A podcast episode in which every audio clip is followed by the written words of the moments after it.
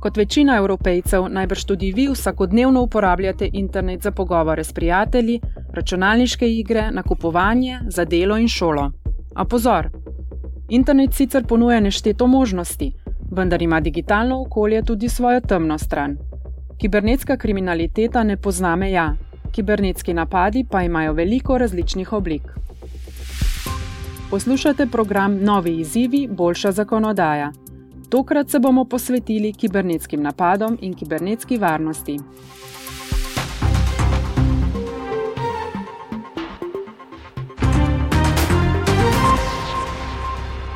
Kibernetski napadi so med tistimi kaznjivimi dejanji, katerih število na svetu najhitreje narašča, imajo pa tudi vse večji obseg in finančne posledice, ter so vse bolj dovršeni.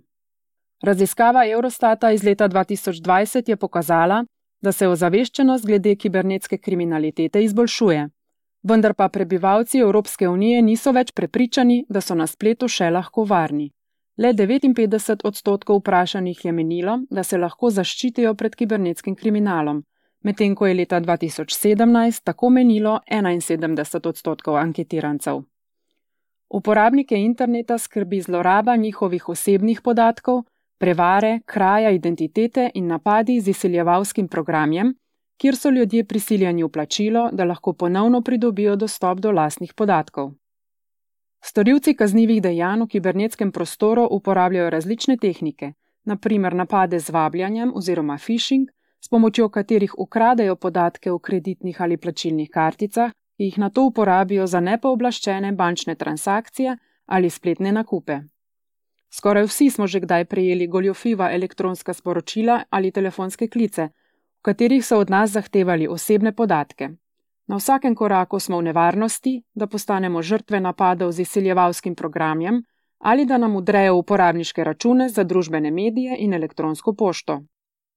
Nič čudnega torej, da ljudje ne želijo uporabljati spletnih storitev.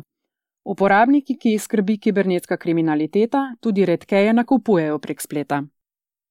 Vse to pa ne vpliva le na posameznike, temveč tudi na podjetja in celo države.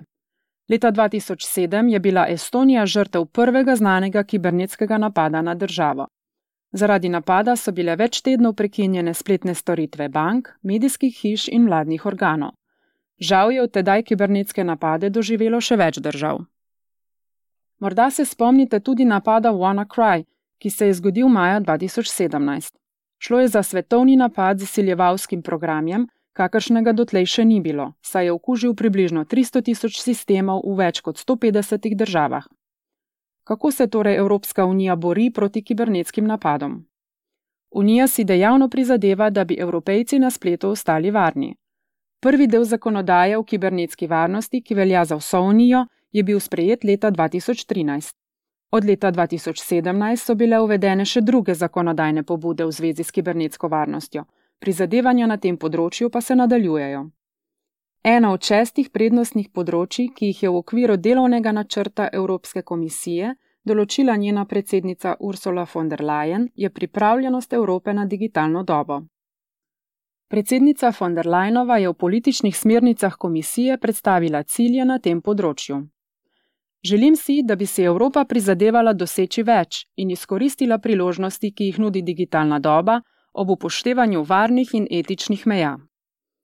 Leta 2020 je Evropska komisija predstavila novo strategijo Evropske unije za kibernetsko varnost.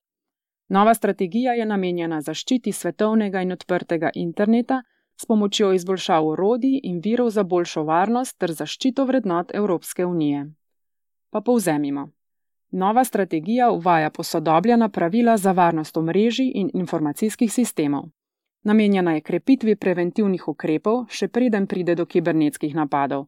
Državam članicam in mednarodnim partnerjem pa omogoča sodelovanje, da se lahko na večje kibernetske napade odzovejo bolj učinkovito.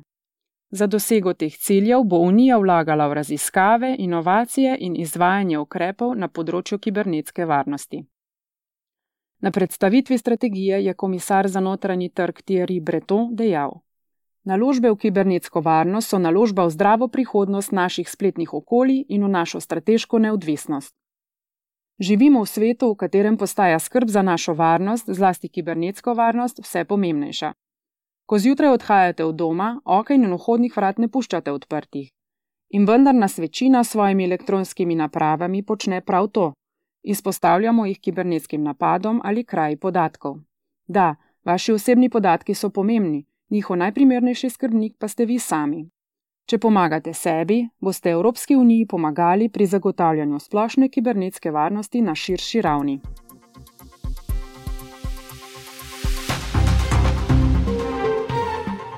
To je bil prispevek Evropskega parlamenta. Več informacij je na voljo na našem spletnem mestu Think Tank. Thank you